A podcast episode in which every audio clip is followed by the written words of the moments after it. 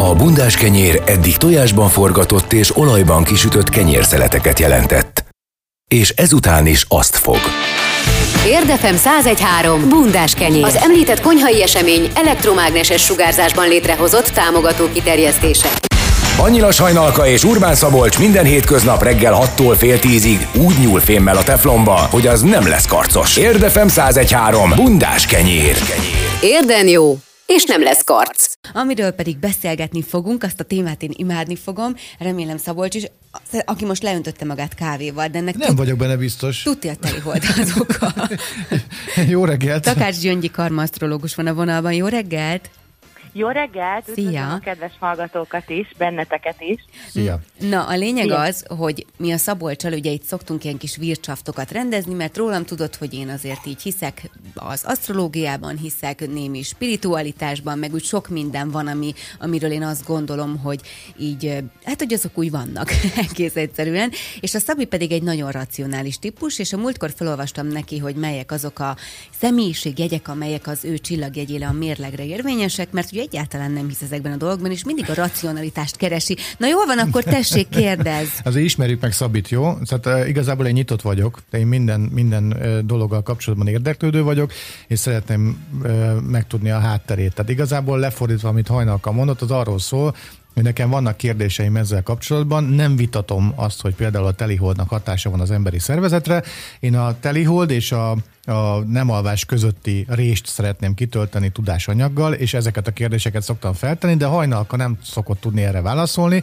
Egyrészt ezért hívtunk föl, másrészt meg ebből szokott lenni a veszekedés köztünk általában. Jaj, nagyon köszönöm, nagyon-nagyon örülök a hívásnak, meg az érdeklődésnek, és, és hát az meg a legcsodálatosabb dolog, hogy pont két ilyen energiájú ember került akkor e- össze, mert hogy ez nem kérdés számomra, hogy ez pontosan arról szól, hogy, hogy melyik kötök mit hoz be a, a, ugyanúgy a hallgatók, illetve egymás életébe a, ezzel a kétkedéssel, ami mindig is előre vitte a világot. Úgyhogy én köszönöm neked, Szabolcs, hát én ezt imádom. Köszönöm én imádom, is, hát nem- erről szól. Nem- Hát imádom, hát ez az, hogy beszélgetünk róla, és hogy teljesen jó a kérdésed, és pontosan ugyanígy gondolom, hogy ez egyáltalán nem ilyen általánosság, hogy ha ma telihold van, akkor ma rosszul alszunk. Van, akire ilyen hatással van, van, akire nem. Van, akit ez inspirál, elképesztően fel fog töltődni egy csomó érzelmi energiával, van, aki felkavarodik. Tehát ennek pont ez a lényege hogy erre nincs olyan típusú recept, és ugye e, ez már nem az a minőség, amikor azt mondjuk, hogy ú, mi vár ma a kosokra, mi vár ma a rákokra. Hát ez az, amit hát hagyjunk, mert ez egy jó pofa dolog, de minden ember más, ugyanaz nem várhat rá.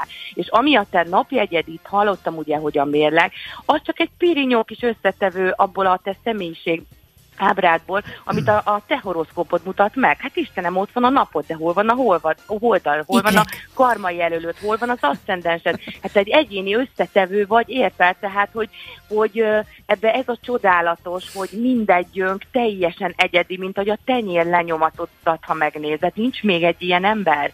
És pontosan erről szól ez az egész. Tehát ugye nyilván a hajni ilyen oldalról próbálja ezt megközelíteni, hogy Rengeteg dolog van, amit nem látunk, de érzünk. Tehát ugyanilyenek a gondolatok, a szeretet, a, a, a, a virtuális világ, amiben ma vagyunk, és azt mondjuk ugye, hogy létezik. Hát meg tudnám mondani egy átlag ember, hogy hogy működik a világháló? Nem. Mit csinál? Megnyom egy gombot, és fent van. Na, az ugyanilyen, hogy nem tudják az emberek, hogy hogy létezhet az, hogy annyira messze vannak ezek a bolygók a Földtől, és mégis hatással vannak ránk, hát hogy ne lennének. De ez nem Minden- kérdés, ez, ez, a része Ugye? nem, ez a része nem Ugye? kérdés, csak tehát mindaddig, amíg nem keresünk válaszokat, addig hit marad a hit, hogyha, hogyha pedig megtaláljuk a válaszokat, vagy legalább elindulunk a keresés útján, akkor ugye a tudás felé haladunk, és akkor már nem nevezhetjük hitnek. Tehát ugye nyilvánvaló, hogy a vallás, hogyha most kicsit kikanyarodunk innen, a vallás is azért hit alapú, mert nem tudjuk, hanem hisszük. Hogyha tudnánk, akkor nem hitnek hívnánk, vagy vallásnak, hanem valami egészen másnak. Szóval igazából Hogyha elkezdünk erről most beszélgetni, akkor lehet, hogy egy csomó olyan információhoz jutok, ami, ami engem is megnyugtat. És, Jó, jó. És, És, mi az, ami konkrétan érdekel? Tehát mi az, a- ami... az, az, a- az, az merült fel bennem, amikor hajnalka felolvasta az egyébként ö, 80%-ban passzoló horoszkópomat, ami rám illeszthető, hogy, hogy akkor minden mérleg született ilyen. Ilyen ember, mint én vagyok? Aha, ja, értelek. Nem, ez pontosan így van, ahogy mondtad, hogy ha már 80%-ban rád írik, az már jó, mert ahogy említettem, ez csak azt mutatja meg, hogy a te napjegyet akkor éppen a, a mérleg jegyben volt, de hogy az milyen életterületre esett például a te ábrádba, az ugye, az, az nincsen benne egy általános horoszkóba, ahhoz látni kell, a te személyre szabott ábrádat, akkor, akkor lepődnél meg, és arra lennék kíváncsi, hogyha én tudnám a te születési adataidat, és én nem azt olvasnám be neked, hogy a te napod a mérlegben van, hanem hogy milyen összetevő van még ott, és akkor lehet, hogy eldobnád a mikrofont, hogy úgy, hogy én nem ismerlek téged, és soha nem láttalak, hogy mondhatok meg rólad olyan dolgokat, amit még lehet, hogy a, a legközelebb állók sem tudnak. Na érted? Tehát ez uh-huh. így működik. Tehát nem az, hogy, hogy felolvas rólad egy egy általános mérlegre ö, jellemző dolgokat, és 80% bírik, az több, az már jó. Ha már 80%-ba illet, az jó, és nem, nem minden mérleg ö, jegyre jellemző, mert elviszi. Ez körülbelül úgy képzeld el, hogy mit tudom én, a, ha a háziasszonyoknak mondanám ezt, és azt mondom, hogy vannak a levesek, és mindegyik levesben van mondjuk nagyjából, hát só az biztos, bors, az egyikbe kömény, a másikba ö, hús, a harmadikba inkább zöldség, ugye? Tehát, hogy, hogy mindenki más összetevő, de mindegyikben volt egy kicsi só, és ez mondjuk az, hogy ott a mérleg, vagy a másik is mérleg, mindegyikben van, de más összetevők elviszik az ő ízvilágát. Lehet, hogy a, a rád jellemző aszcendensed olyan erőteljes nálad, hogy sokkal jobban kihoz mondjuk egy racionális énedet, mint mondjuk a mérlegjegy. Tehát ezt így kell ö, elképzelni. Ugye tűz, víz, tehát rengeteg elem van bennünk. Ki az, ami, ami kire mi jellemző jobban. És lehet, hogy egy ilyen ráktípusú ember, aki mondjuk inkább ugye vízjegyű, mégis olyan temperamentus, de van egy jó aztán aszcendens, és a sokkal jobban jellemző rá. Érted? Tehát ezt ilyen oldalról, ha nézzük, akkor már is sokkal személyre szabottabb az egész, és valószínű, hogy neked ez hiányzott, ez az a rés, ami miatt azt gondolod, hogy ja persze, hát mindenkire akkor ugyanez lenne jellemző, és teljesen jogos a kérdésed. Nem, igazából az a rés hiányzik, hogy Hát mondjuk például én megszülettem 1973. 10. hó 10-én, fogalmam sincs, hogy mikor, azt hiszem az esti órákban, mondjuk 22 órakor, és, és hogy az a rés hiányzik nekem, hogy abban a pillanatban, hogy így úgy amúgy álltak a, a bolygók, nyilvánvaló ez nem kérdés, hogy valamilyen hatással van ugye ebben a naprendszerben minden mindenre, hogy, hogy mi, mi történik mondjuk a Saturnus, vagy a nem tudom micsoda hol állt, és ehhez képest a Föld hol állt, és akkor, hogy az én ö, világra került testemet milyen módon befolyásolja, és ezen belül nem is a testemet, hanem a személyiségemet, ami gyakorlatilag kémiai kölcsönhatások ö, ö, együttese, hogy ezt, ezt hogy, hogy az egyik sejt gyökben balra kanyarodott az a, az a dolog, aminek jobbra kellett volna, és akkor az aszcendensem azt már elirányította. Szóval uh-huh, ilyenekre, uh-huh, ennyire uh-huh, mélyen vagyok kíváncsi erre a dologra, értem. hogy ezt kutatja-e valaki, illetve hogy, hogy jutottak-e valamire. A hajnak azt mondta, hogy eddig még nem találtak összefüggést, például a hold és a nem alvás között tudományos megfejtés még nem történt. Biztos vagyok benne, hogy van valami, mert hogy az, az hogy uh-huh. nem találtak valamit, az nem azt jelenti, hogy nincs is. Ez uh-huh. az egyik kérdésem, Igen. ezt jegyez meg, légy szíves. A másik pedig az, hogy hogy ami én vagyok most jelen pillanatban, ami 80%-ig stimmerrel mondjuk ez a mérleg dolog, ez gyerekkoromban egyáltalán nem volt. Én egy bezárkózós ilyen, ilyen kisfiú uh-huh. voltam, nagyon későn érő, 20 évesen én még kamasz voltam, szóval hogy akkor értem a kamaszkoromba, és hogy most arra lehet ez így érvényes rám, de annak idején szerintem egyáltalán nem volt érvényes rám ez a mérlegkép. Uh-huh. Uh-huh. Uh-huh. ilyenkor mi van? Na, hát ilyenkor az van, hogy az az időminőség, amikor így, így meglátjuk a napvilágot, tehát így, ahogy te mondtad, hogy a testünk kilöködik erre a földi világra, tehát felveszük ezt az inkarnációt, amiben beleszületünk, és édesanyánktól végül is a köldögzsinóra elvágásával egy szó szerint egy levegővétellel ö, elindul egy új életünk. Azzal tulajdonképpen az az időminőség határozza meg azt a pillanatot, amikor azt mondjuk, hogy megszülettünk el a, erre a földre, és az akkori ö, pillanatfelvétel a bolygókról tulajdonképpen az a szimbolikája annak, hogy te milyen energiák mentén működsz. Tehát, hogy az mutatja meg igazából azt, hogy nem, nem, a, nem a te sejtjeid meg, hogy a Saturnusot szerint a merre kanyarodnak a különböző érpályáit, tehát nyilván nem, hanem hogy milyen energetikát vettél fel ott és akkor, azért, hogy ezt a mostani életedet milyen minőségekkel fogod teljesíteni, tehát hogy mit, mit kell ahhoz, milyen tehetségednek kell, hogy legyen. Például nagyon jó, zárkozott voltál, mert, mert ott még valamit ki kellett magadból dolgoznod, hogy ide juss, hogy aztán most emberekkel beszélsz, nem tudom hány hallgató hallgatja ugye a, az adásodat, és, és nem, hogy zárkozott nem vagy, hanem folyamatosan kifelé áradó vagy. Na most ezen a folyamaton át kellett menned. Pontosan ez kellett ahhoz, hogy, hogy az a születési ábrád, amit ugye nem látunk most, így mert nem tudom a pontos időpontot, amiből ezt gyönyörűen ki lehetne uh, ö, fejteni, hogy te mivel születtél, mind mentél keresztül, miért kellett az neked, és hova jutottál el, meg még ezek után hova fogsz majd eljutni. Tehát ez körülbelül úgy képzeld el, mint egy használati utasítást hozzád, ö, hozzád a lelkedhez, a fejlődési folyamataidhoz, itt jön be a karmikus rész, hogy mit hozol magaddal előző életeidből, milyen életutat választottál most, amit, amit, amit végig kell, hogy járj ahhoz, hogy teljesítsd azt a feladatot, azt a küldetést, amivel érkeztél. Tehát, hogy, hogy igazából az energetikai rendszeredet mutatja meg a, a bolygó állások és a konstellációk a, a személyes ö, ábrádban, ö, ugyanúgy, ahogy, ahogy, ahogy ha a tenyerünket nézzük, és nyilván nem a javasasszonyról beszélek, hanem annak is van már ugye nagyon sok tudományos alapja, hogy hogy, hogy létezik, hogy mindegyünknek más, és mindegyünknek más a lélek térképe. Tehát mást hozol magaddal, más genetikai mintát hozol magaddal, ugye téged a te anyukád vitt haza a kórházból, abban a pillanatban téged azok a hatás értek, ami a te környezetedben történt, plusz van egy hozott anyag, a lélek, ami a lelkedben van, és ahhoz képest lettél te most a Szabi, érted? Mm. Tehát, hogy, hogy ez egy fantasztikus, tehát én erről csak szenvedéllyel tudok beszélni, és holnap idáig is tudnám a, a sose baj, a sose baj. Egy ilyen használt utasítást szívesen vennék, és nem mások számára, hanem én forgatnám magammal kapcsolatban De például. pont ez a lényeg, hogy az asztrológia, az, javíts ki, hogyha nem így van, tehát azt tulajdonképpen, ha nem is nevezhetjük tudománynak, de végül is egy racionális magyarázat egy csomó mindenre, mert egyáltalán nem olyan, mint egy jóslás, mert ezt nem lehet megváltoztatni, hogy amikor te születtél a napod itt volt, a holdad amott volt, stb. stb. Tehát hogy, tehát, hogy amikor például én voltam a Gyöngyinél évekkel ezelőtt, és akkor így elmesélt rólam egy csomó mindent, úgyhogy hát azt mondom, hogy alig ismertük egymást, talán egyszer találkoztunk előtte, de nyilván akkor is valamilyen programon nem is beszélgettünk, majd így elmondta, hogy akkor ki vagyok én, és én konkrétan végigbőgtem az egészet, mert mondtam, hogy én ezt nem hiszem el, hogy most így konkrétan elmondja, hogy én milyen vagyok. Elmondta a gyerekkoromat, hogy mik történtek velem, hogy most éppen hol tartok. És csak néztem rá nagy szemek, és mondtam, hogy ezt hogy csinálod?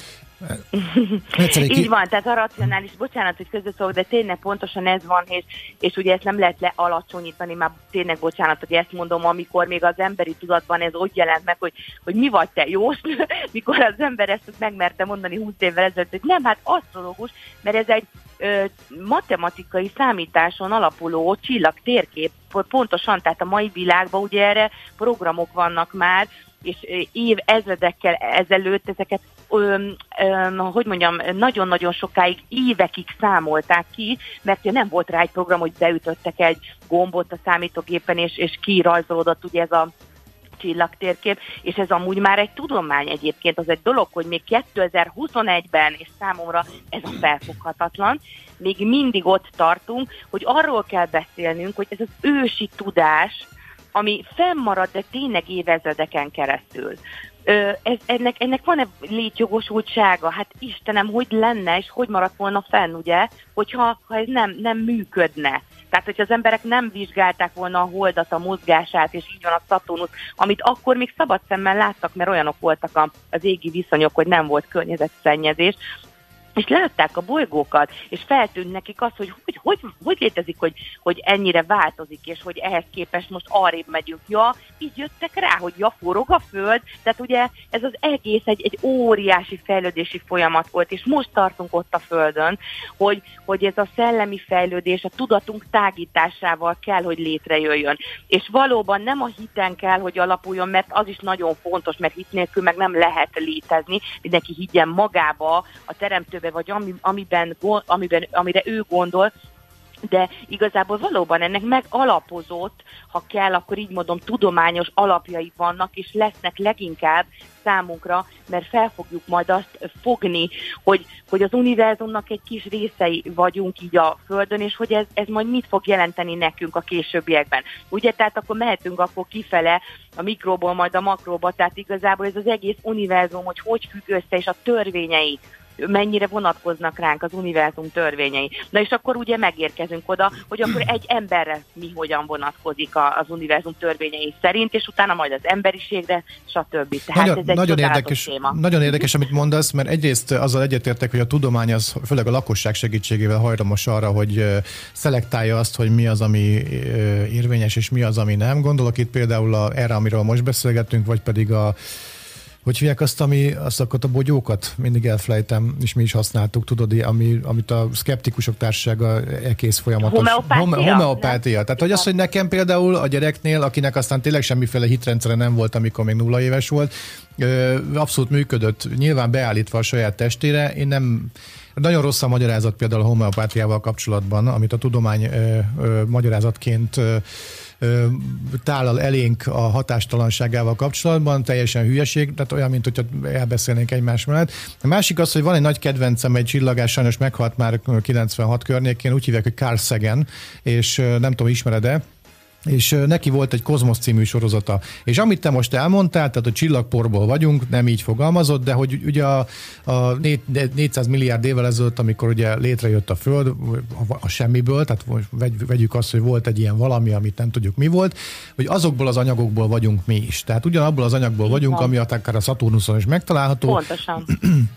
Nagyon szépen ezt lefestette, és valami oknál fogva nekem nagyon furcsa volt az, hogy az asztrológiát azt olyan szinten ekészte ő, hogy, hogy nem tudtam hova tenni, és, nem, és most kicsit ellentmondok saját magamnak, vagy hát így a szkepticizmusommal kapcsolatban, hogy, hogy nekem simán belefért volna, hogy az, amit te most elmondtál, az, az neki, neki, ennek a Carl Sagan nevű embernek nyugodtan beleférhetett volna, hogy az asztrológiával uh-huh. is össze, összevonja ezt. És valamiért Igen, nagyon tagadta aha. ezt, és nem értem, hogy miért. De, de azért, mert ő csak a bolygóknak a matériáját vizsgálta. Pontosan így van. Én nemrég írtam egy cikket, és úgy meg is dobbant a szívem, ahogy ezt mondott. Pontosan erről, hogy csillagporból vagyunk. Tehát, hogy hogy a bolygókra nyugodtan rá tudunk rezonálni, csinálunk is mi ugye ilyen meditációkat, aminek pont az a lényege, hogy nyilván nem a bolygónak a matériájára rezonálunk rá, hanem az energiájára. Na most ő valószínű, hogy a bolygókat és a, csi, a csillagászat, ugye ez egy másik terület, mint az asztrógia, mert ugye ő csak a külső dolgokat vizsgálja. Tehát léteznek bolygók, hogy mozognak a pályájukon, a Földhöz képest hol vannak, merre, mit csinálnak, mikor surlódnak, mikor hogyan jöttek létre, tehát csak a külső jegyeket. Tehát ezt körülbelül úgy tudnám mondani, ami ugyancsak nem egy, hogy is mondjam, nem egy kielégítő dolog számomra, amikor elmész orvoshoz, és semmi mással nem foglalkozik, csak a testeddel. Tehát nyilván öltse ki a nyelvét, igen, itt van egy törokgyuszi, adunk rá egy antibiotikus, menjen haza. Na ez ő na most ezt kell túlhaladnunk. Na de, Miért e... fájdult meg a torka? Mi van e mögött? Mit nem mondott ki? Tehát a lélek, Igen. ő nem vizsgálta a bolygók hatásait. Azért is, azért is hoztam fel ezt a témát, mert Carl Sagan e, azért lehozta ezt a földre, és nagyon komplexen vizsgálta ezt a dolgot. Nem csak csillagász volt ő, hanem ugye, hogyha nem tudom, láttad ezt a sorozatot, e, ajánlom figyelmetbe. 8... Meg fogom nézni, megmondom őszintén, pont így nem láttam ezt a sorozatot, mindenféle más szoktam nézni. 1980-ban került adásba, úgyhogy nagyon régi, viszont abszolút uh-huh. időtálló. Csináltak neki egy ilyen felújított verziót, amikor tizenvalahány évvel később visszatekintettek, hogy mi az, ami még állja a helyét, és mi az, ami nem. Kicsit térjünk rá erre a karma asztrológiára, hogy kicsit bonyolítsuk a, a uh-huh. fejemben lévő gondolatokat. Hogy a, ugye a karma az, hogy előző élet, meg hogyha összetaposok véletlenül egy hangyát, akkor majd azt a következő életemben majd megemleget, megemlegetem, vagy hangyaként fogok újjászületni. Így, így fordítanám le a saját nyelvemre. Igen. Hogy ez vagy hogy... hajnival fog dolgozni. Tehát azért... Igen, szóval, hogy, hogy ez, ez hogy jön a képbe, és hogy ez nem bonyolítja el túl, és hogy lesz uh-huh. nagyobb káosz a fejemben, mint eddig volt. Nem lesz, egyáltalán nem lesz. Ez pontosan az ok okozat törvénye maga a karma. Ez pont tényleg az, hogy, hogy ahol te most dolgozol, akikkel körül vagy véve, az, az nyilván már valaminek a következménye. Tehát a, amikor a lélek ugye még, még a leszületés állapotában van, akkor megtervez egy olyan életet, hogy, hogy hogyan fog tudni fejlődni. És minnyáján itt a Földön nem véletlenül mondjuk azt, hogy a bőrünkön, a bőrünk, bőrén keresztül érezte, ugye, hogy a bőrünkön keresztül tudunk csak tapasztalni. Tehát, hogy itt az érzékszerveinket ugyanúgy nyilván ö, kell, hogy használjuk ahhoz, hogy megbizonyosodjunk dolgokról, mert testben vagyunk.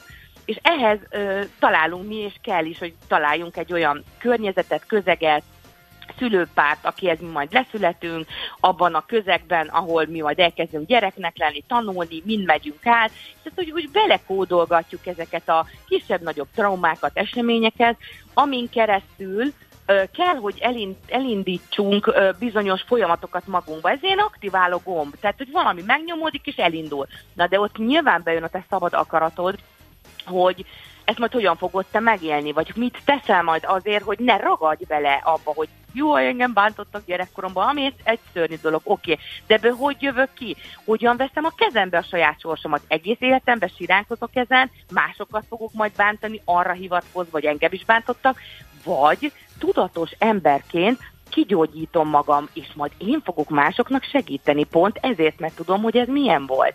Tehát, hogy, hogy a karmát úgy kell elképzelni, hogy minden pillanatban karmát teremtünk egyébként, mert ugye az a gondolat, a cselekmény, meg amit mondunk, az már, sőt, amit még gondolunk is, az mind energia. Tehát, hogy ez nem annyira ö, olyan, ö, hogy is mondjam, keretek között zajlik, hogy hú, és nem olyan lesarkítva, hogy így, ahogy mondtad, hogy most előző életemben figyelmetlen voltam, és jó, igen, nyilván igen, igen. csináltam olyan dolgokat, na én most akkor, hú, mit tudom én, már hajléktalannak fog születni. Tehát azért ez nem ilyen, hanem az adott karmikusan, amit elmondtam. És itt azt kell tudnunk, hogy minden csak díszlet. Tehát itt a földi világban mindent kölcsön kapunk, ahhoz a műsorhoz, ahhoz a színházhoz, amit le kell játszanunk és a díszlet az változik. Az, ahhoz képest, hogy milyen az előadás. Hogyha tényleg van, akinek meg kell tapasztalni a nagy gazdagságot azért, hogy rájöjjön, hogy igazából azt nem fogja tudni magával vinni. Azt használja fel valami dologra, ami jó, éljen ő is jól, és ezzel nincs probléma.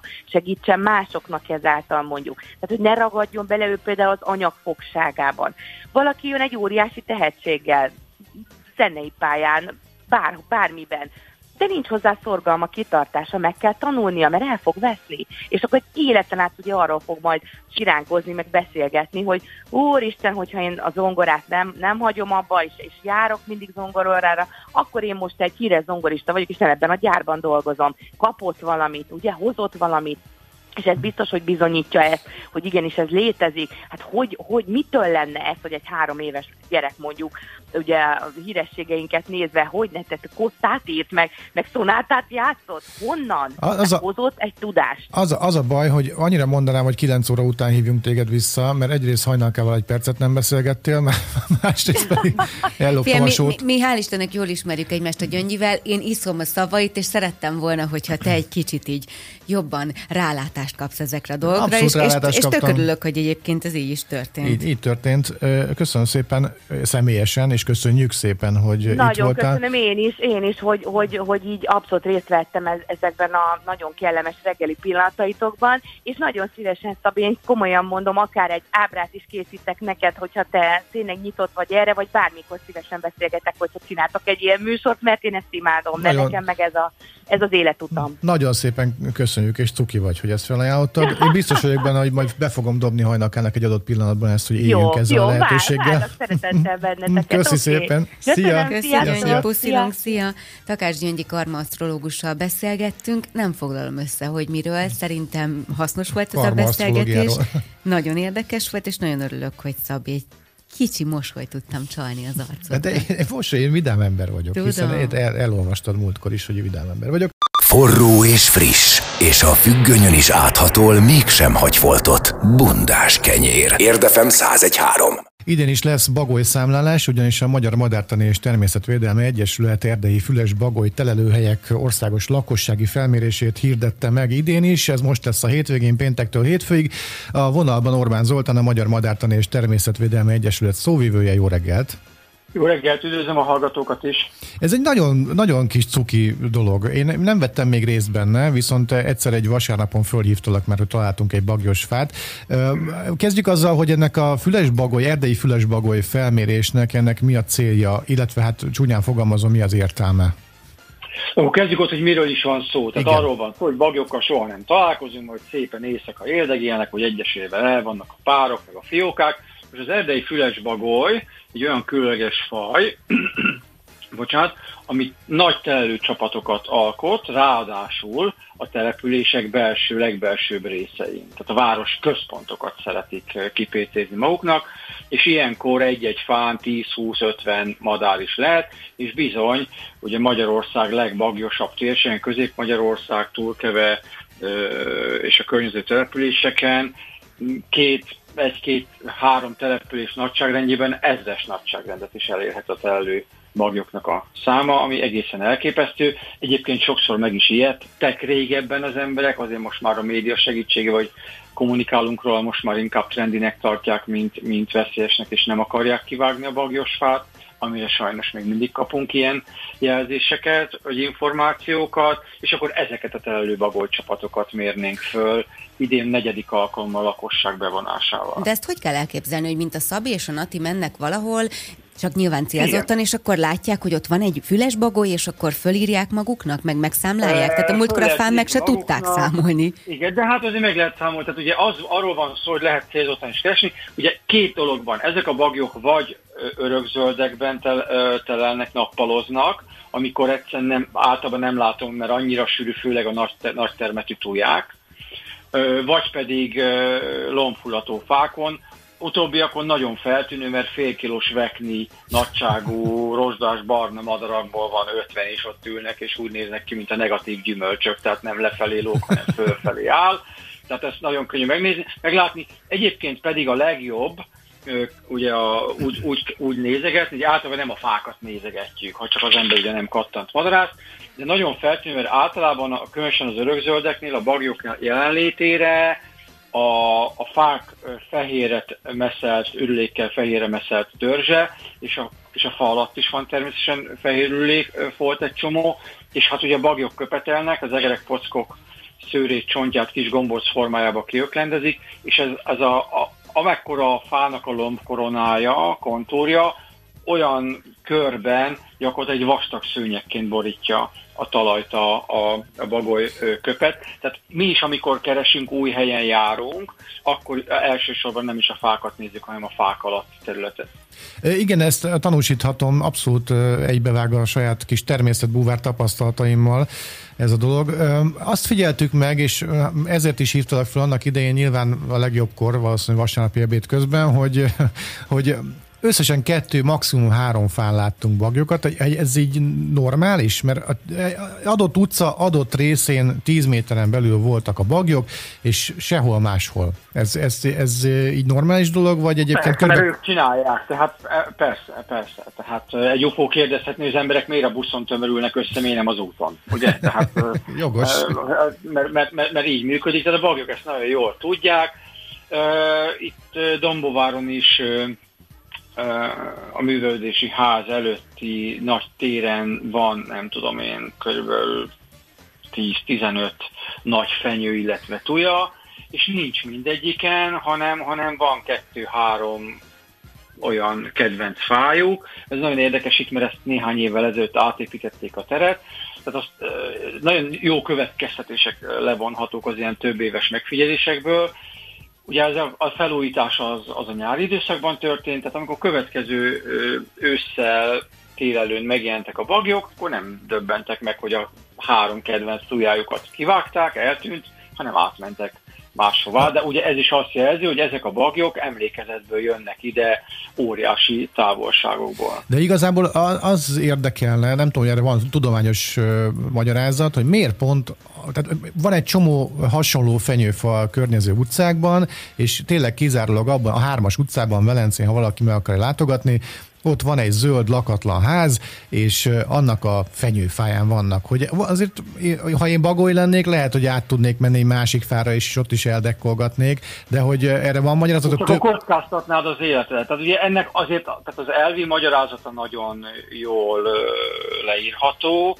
Tehát ezek a bagyok azért jönnek a településre, a településen belül általában, ahogy mondtam, a legbelsőbb területekre, mert hogy ugye innen nem a településen vadásznak, ők neki ki kell menni a, a, a külterületekre pockozni, egerészni. Mégis azért jönnek be, mert itt védettek a legveszélyesebb szárnyas ragadozóktól.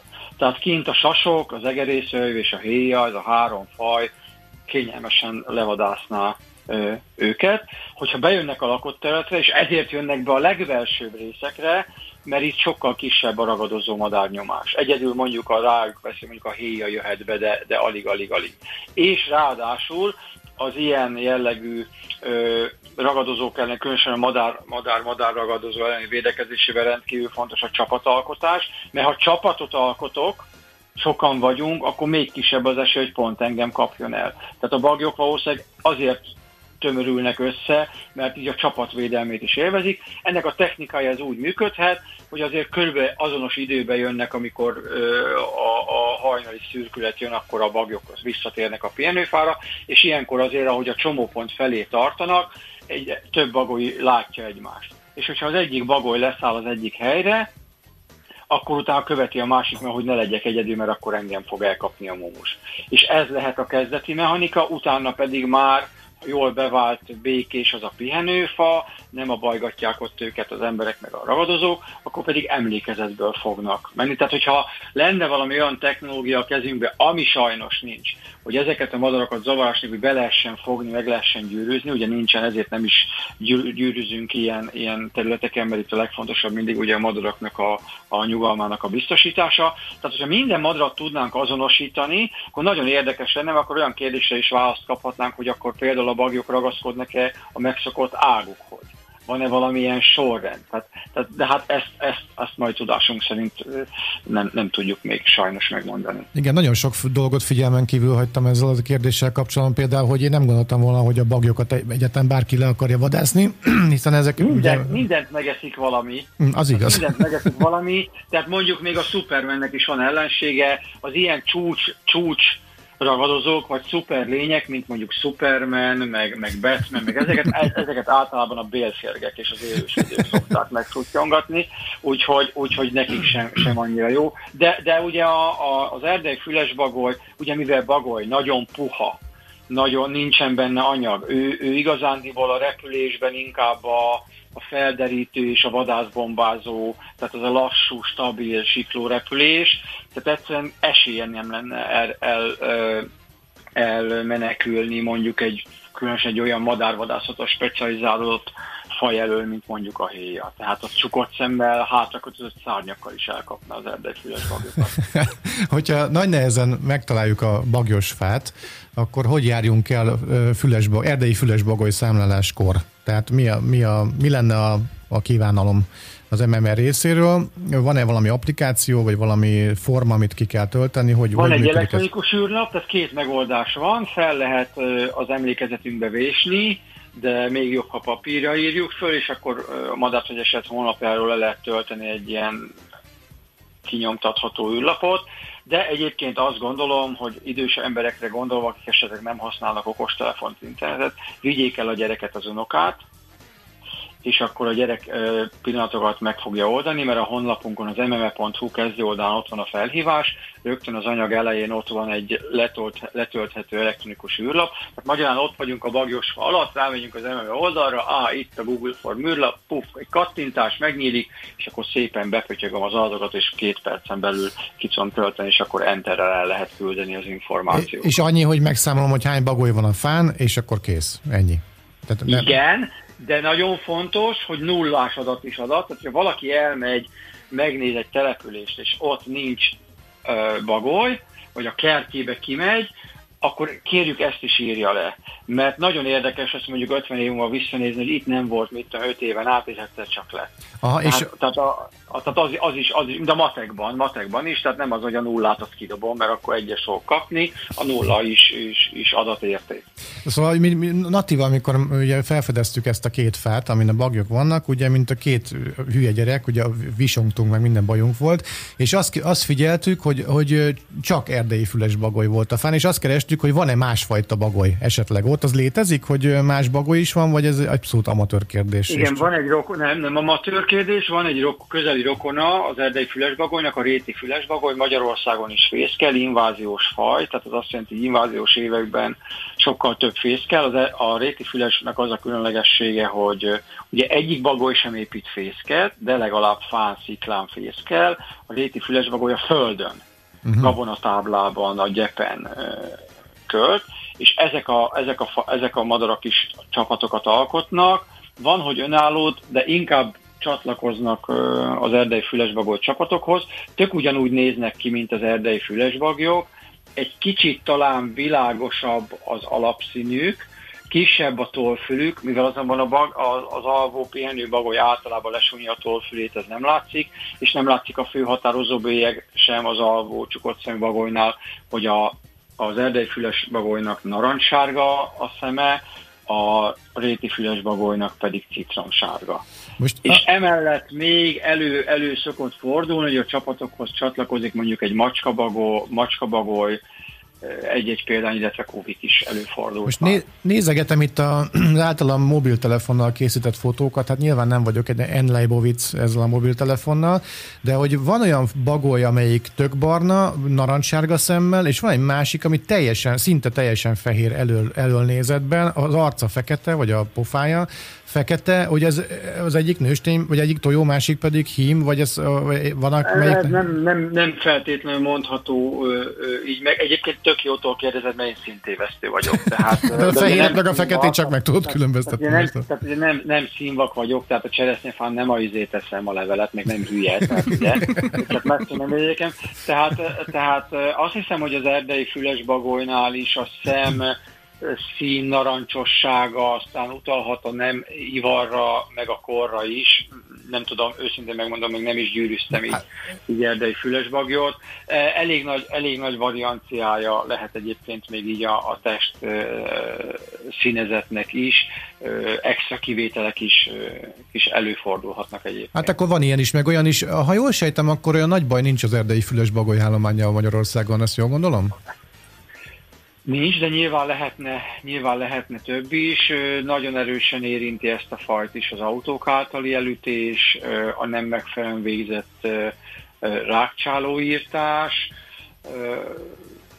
Ezért is fontosak ezek a monitorozó információgyűjtések. Ugye ebben az esetben az az egészben szerintem az egyik legszenzációsabb, ugye most világviszonylatban előfeltörőben vannak ezek a citizen science jelölő kutatások, tehát amikor a lakosság, nagyobb embercsoportok, nem szakértői csoportok is bekapcsolódnak adatgyűjtésbe, információgyűjtésbe, és hát sokkal hatékonyabbá válik így a dolog. Hát nem mindegy, hogy Magyarországon mondjuk potenciálisan mondjuk 6-7 millió adatközlő nézi meg az országot, vagy pedig a nem tudom én 50-60 természetvédelmi őr és mondjuk 150 MME aktivista és alkalmazott járja az országot, tehát ilyen szempontból nagyon pont, sokkal pontosabb információkhoz jutunk, a média segítségével, internet segítségével, ugye fehér foltokra fel tudjuk hívni a figyelmet.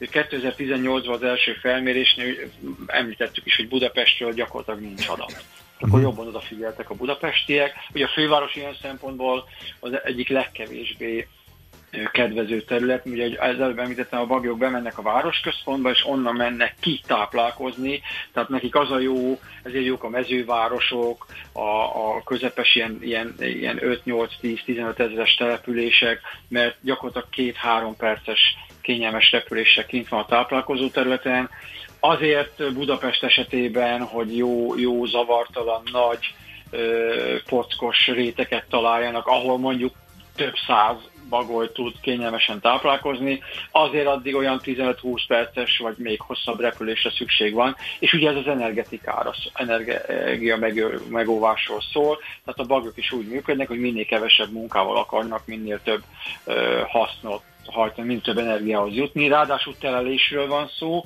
tehát nem tudja, nem, Tehát nem lehet biztos egy ragadozó abban, hogy holnap is fog tudni zsákmányolni. Ugye azt gondoljuk, hogy a, jön egy ragadozó, és akkor százszázalékos hatékonyság volt a túrót. Norm, jó időben is mondjuk egy, egy, egy, egy kabasolyom, aki parti fecskére vadászik, lehet, hogy csak minden 30. zsákmányolási kísérlete sikeres. Az sem biztos, hogy egy bagoly minden éjjel tud fogni egeret. Tehát neki arra kell gondolni, hogy itt van a hideg, itt van a tél, és mi van akkor, hogyha ö, nem lesz kajám. Ezért ő megpróbálja a belefetszölt energiát minimalizálni. Uh-huh. Hát igen, a repülés sok energiába kerül. Hát köszönjük szépen, hogy itt voltál, és uh, akkor mindenkit vártok sok szeretettel, illetve nem vártok, hanem mindenkit kapacitáltok arra sok szeretettel, és én is, és mi is, hogy uh, péntektől hétfőig, de akár azon kívül is uh, nézegessék a bagyokat, és akkor tessék jelenteni ezt a Magyar Madártani Egyesületnek. Köszönjük szépen, hogy itt voltál, szép napot! Én is köszönöm a lehetőséget, köszönjük, ja. sziasztok! Érdefem 1013. Ha van egy tyúkod, már csak egy szelet kenyeret kell szerezned. Bundás kenyér. Mi volt előbb, a tyúk vagy a bundás kenyér? Most pedig arról fogunk beszélgetni, hogy az érdi lakosok véleményére kíváncsi a levegő tisztaságával és minőségével kapcsolatban az Érdi Környezetvédő és Városszépítő Egyesület az értköve. Domonkos Mónikát, az Egyesület egyik tagját hívtuk fel. Jó reggelt! Jó reggelt! Jó reggelt! Úgy, úgy néz ki, hogy ez egy ilyen kérdőíves reggel. Az imént a bagyokról volt szó, őket kell számolni, most meg még egy másfajta kérdőívről lesz szó. Miről van szó pontosan? Um, én a, ugye a Érdi Környezetvédő és Városépítő Egyesület kommunikációs csoportjának tagja vagyok, és készítettünk egy olyan kérdőívet, ami szerintem itt érden egyelőre egyedülálló, még, még nem volt ilyen kérdőívezés, és szeretnénk tudni, hogy a lakosok mit gondolnak az érdi levegő minőségről, és tudják-e esetleg, ismerik-e a jogszabályi változásozokat, vagy esetleg tudják, tudják-e azt, hogy kihez kell bejelenteni, hogyha ha olyan öm, szennyezettség történik, ami, ami bejelentésre szorul, és öm, e, e, e, szeretnénk nagyon sok információt megtudni. Magának a kérdőívezésnek vannak előzményei. Az egyik és legfontosabb, hogy a civil liciten befolyt összegből Egyesületünk vett 6 darab szállópor mérésére alkalmas készüléket, és ezt most érd 6 város részére helyezzük el. Most a hetekben történik a beüzemelése, és ezekből az adatokból szeretnénk majd ilyen tendenciákat nézni. Nyilván ez legalább fél év, egy év, mire, mire mm, teljesül, és a készülékeket ugye az önkormányzat üzemeli, és Egyesületünk vásárolta meg, másrészt pedig az önkormányzat, az érdi önkormányzat csatlakozott egy Ever nevezetű projekthez, amely Magyarországon a Budapest Zugló önkormányzata koordinál, és az általuk elkészített kérdőív alapján készítettük el a miénket Érdvárosára szabva. Valamint szeretném még elmondani, hogy Érd önkormányzata ezekben a hónapokban készíti el a, a város klíma stratégiáját, és a kérdőív kérdőív vet is fel tudják használni, valamint a, a hat darab készüléknek a, a mért értékeit, adatait is fel tudják majd használni a későbbiekben. Rákattintottam erre, bocsánat, erre a kérdőívre, azt hittem, hogy az lesz a, majd a, a lényeg ebben, hogy hát és kérdés is volt a fejemben, de látom, hogy nem erről szól a kérdőív, hogy érez a büdöset a környezetében, mert nyilván... Van, mi... van, van, van olyan kérdés is, amiben hmm. azt kérdezik, hogy, hogy tapasztal-e kiugróan rossz Aha. levegőminőséget a, a városban, és hogyha igen, akkor körülbelül hányszor. Ugye feltettük azt a kérdést is, hogy melyik városrészben él, hogy majd amikor kiértékeljük a, a kérdőívet, akkor fogjuk látni, hogyha mondjuk egy-egy városrészben többen is jelzik, hogy, hogy sokszor vannak ilyen kiugró értékek természetesen. Sőt, rákérdezünk arra is, ugye a kisgyerekeknek az életkor szerinti eloszlására is, mert ugye ők például az egészségügyi kockázat miatt egy, egy nagyon érzékeny csoport.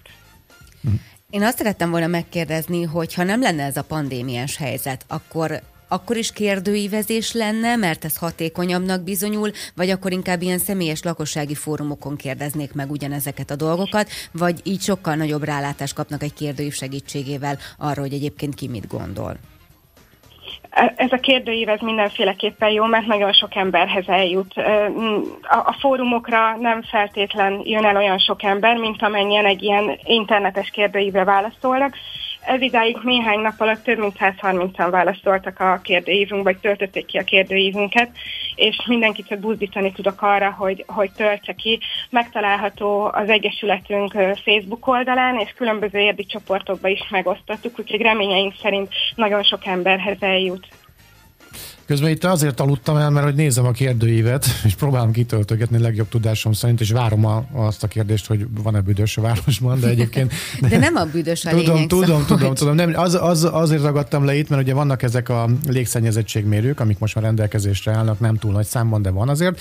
De hát ugye a lakosság mi, mi alapján tudja megállapítani, hogy jó-e a levegő vagy sem. Ugye volt egy ilyen kérdés, és hát ugye pont ma reggel mentem itt ki, két, két fajta szagot éreztem, az egyik a, az általános iskolai konyhaszag, ami, ami ott az iskola mögött volt, az nagyon korán volt, és most pedig ez a vegyes tüzelésű elégetek mindent szag itt a környékünkön. Ilyesmire is várják a válaszokat? Ilyesmi megfigyelésekre? Ez, ez, az a, ez az a kérdés, hogy tapasztal-e ilyen kiugró értékeket. Nyilván a fűtési szezonban ez nem egy egyedülálló eset, de a rossz és a rosszak között azért van különbség, tehát mi azokra vagyunk, van, van is ugye kifejezetten külön választottuk a fűtési szezont és a nem fűtési szezon. Igen. Hogy milyennek tapasztalja a levegőminőséget a fűtési szezonban, és milyennek tapasztalja a levegőminőséget a, a nyári időszakban. És mi? Az embereknek az edukációja mennyire fontos ebben a tekintetben? Tehát itt gondolok arra, Palko Zsoltal gyakran beszélgetünk, és például neki említettem azt, hogy hogy nekem kellemetlen az, hogy mondjuk van olyan szomszédom, aki tudom, hogy nem él olyan anyagi körülmények között, és ebből kifolyólag mindenféle olyan dolgot eléget, ami mondjuk nem biztos, hogy a vegyes tüzelésű kazánba is való, de hát nyilván nem tud mással fűteni, ennek következtében pedig égtelenül büdös van. Még soha nem vettem a bátorságot arra, hogy bekopogjak hozzá, és azt mondjam neki, hogy te figyelj, ez, ez így nem oké, okay, mert hogy így próbálom így a szociális érzékenységemet elővenni, de valamelyest azért mégsem oké, okay, és valahol ezt meg kellene állítani. Vagy még azon is gondolkodtam, és azért kérdezem az edukációt, hogy vajon az, aki ezt égeti, egy idősebb ember, az vajon tudja-e, hogy ez így nem oké, mert régen is így fűtöttek száz évvel ezelőtt, akkor ez most tök oké, hogy a vegyes tüzelésűbe minden is bemegy. Igen, nagyon-nagyon-nagyon fontos a szemléletformálás. Ez, ez még tehát mindennél fontosabb a szemléletformálás, viszont aki olyan anyagi körülmények között él, hogy nem tud mivel fűteni, tehát mondjuk száraz fával, az sajnos, amíg nincsen olyan szociális háttér, hogy, hogy normális tüzelőanyagot kapjanak, addig, addig ezt, tehát amíg ez a helyzet nincsen megoldva, addig nyilván ez hiába szemlélet formálunk, addig ez jelen lesz ez a probléma. Reményeim szerint ez, ez a jövőben változni fog. Ugye most a január 1-től például a, a zöld hulladékok égetése teljesen be van tiltva, ugyan a pandémia idejére néhány önkormányzat engedélyezheti, tehát megváltoztathatja ezt a, ezt a döntést, viszont érd önkormányzata szigorú ebben a tekintetben, és, és itt nem lehet például kerti zöld hulladékot égetni, tehát ilyen kültéri égetés nem lehet gondolom én, hogyha valaki bejelenti, akkor ezt, ezt komolyan büntetik pénzbírságot csaphatnak ki rá. De egyelőre, amíg nem olyan, ha valaki ö, bent tüzel, és ö, nem tehát a szomszédok nem hívják ki a hatóságot, addig, addig nagyon nem lehet mit tenni. Vannak-e időpontok kitűzve a levegőjavítás, a levegőminőség javításának tekintetében? Hát mindenféleképpen gondolom ebbe az önkormányzat klímastratégiájában nem látok bele, de bizonyára van vannak ilyen időpontok, és uh, még itt elmondanám, hogy ugye a, a hat darab készülék, amit, a, amit megvettünk, ez a Sensor Community oldalon lesz majd feltüntetve az értékei, és szeretné, szeretne Érd városa beszerezni egy olyan mérőkészüléket is, ami az országos levegőszennyezettségi mérőhálózatba is be lenne kötve. Nagyon reméljük, hogy, hogy ez a projekt keretein belül megvalósul, és akkor legalább lesz hivatalos adat is Ez szuper lenne, hogy, hogy minél hamarabb el lehessen érni valami használható levegőminőséget, és hát köszönjük szépen a tevékenységüket, és azt is, hogy itt volt velünk, itt voltál velünk. Köszönöm szépen a, Köszönjük. Köszönjük. Köszönöm szépen a lehetőséget. Szia! Domonkos Monikával beszélgettünk az Értköve kommunikációs munkatársával, a kérdőívet egyébként az érdmost.hu felületein is megtalálják, mi már kitöltöttük a Szabolcsal, segítsenek ön is, hogy minél tisztább lehessen érdlevegője.